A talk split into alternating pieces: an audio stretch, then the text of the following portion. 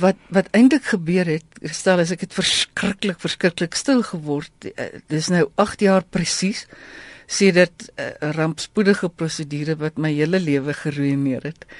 En ek het eintlik merkwaardig stil geword en baie min musiek geluister.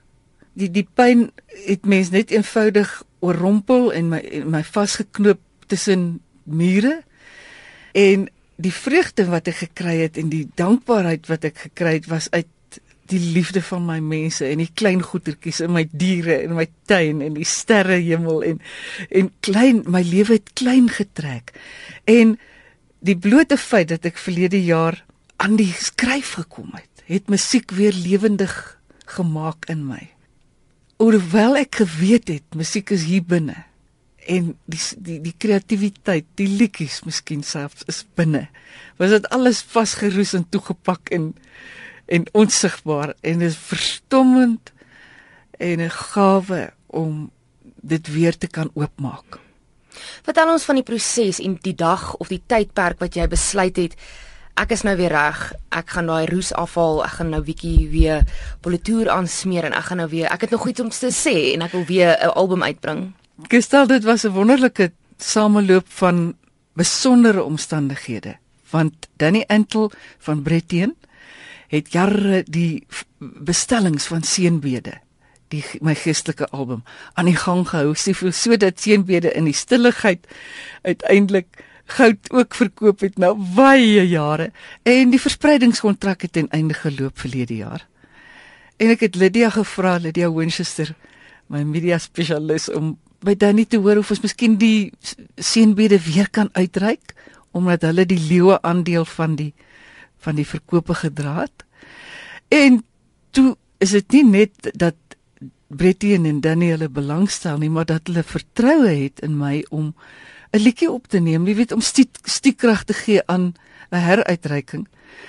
En daardie dag sal ek nooit vergeet nie, vergadering met Danny, Lydia, John Venter, my pa en ek en ek hoor myself sê ja, ek ons kan 'n liedjie probeer. Een liedjie probeer. Want dit was onmoontlik die wat gebeur het met my mond veral my mond is letterlik verreneweer en verwoes deur die senuweeskade. En ek het leer praat en goeters met ander spiere en ander senuwees wat die werk van die wat nie meer kan nie uh, nou oorgeneem het. En maar dit was net ondenkbaar en ek het myself oorsê ja, so dit het nie uit myself uitgekom nie. En toe word die liedjie dit is net 'n paar dae later wat ek nogtans sal ek sing. Daar in die winter van 2014. Nogtans sal ek sing gaan skryf het bloot die feit dat mense vertroue gehad het. Ons het nie 'n idee gehad wat oor is van my nie. Ons het nie geweet hoe ek gaan klink nie. Die spiere, die spasma, die senuwees, alles wat op aarde van my oor is nie. Maar Danny het gesê ons werk met wat ek oor het. En dit het my die siekrag gegee om weer te begin skryf. En toe word die een liedjie so, miskien tweeetjies en 'n derde enetjie en, en uiteindelik sit ons hier met nege nuwe liedjies.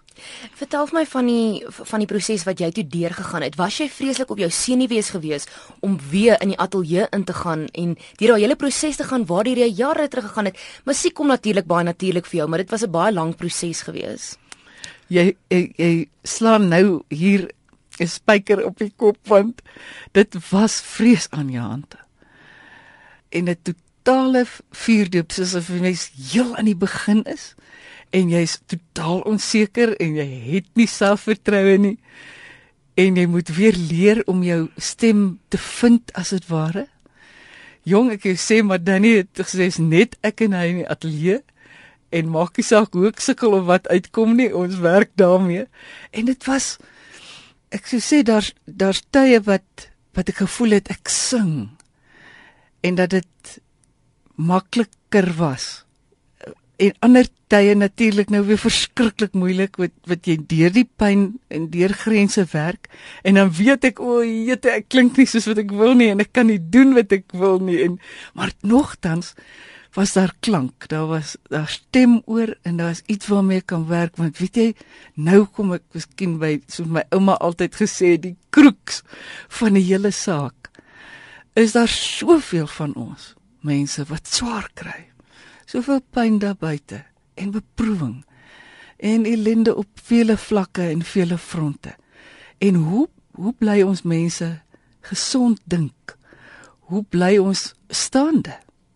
En daar's iets wat ek kan sê om om, om my hand uit te reik en te sê kom ons wees daar vir mekaar. Ons kan aangaan. Ons kan aangaan ongeag die omstandighede.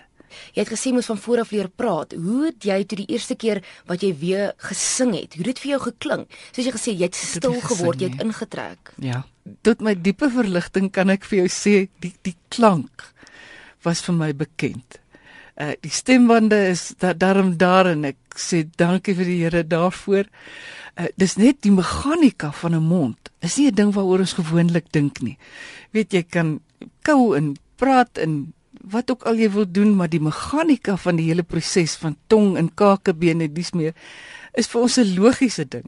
Nou om daarby verby te kom en deur beperkings te werk uit die uit die meganika van waar deur die klank gevorm moet word is verskriklik frustrerend want ek hoor baie keer wat ek doen is nie wat ek wil doen nie en ek hoor in my kop wat ek moet doen maar om dit hier uit te laat kom is 'n hele ander storie. Ag en dan staan natuurlik beperkings in terme van klank. Ek het baie spasie verloor met my mond. So so hoog en maklik kan dit nie gaan nie, maar ek het darm my nie heeltemal business geskrik nie.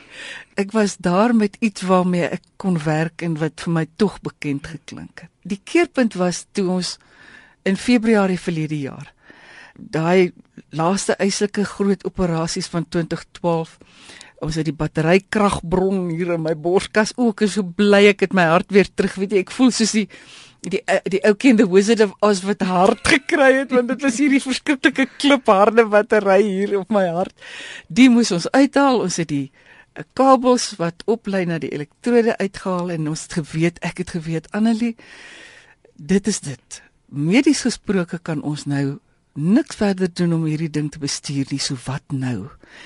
Nou, oef, ek sê dis maar 'n worsteling, maar 'n keuse.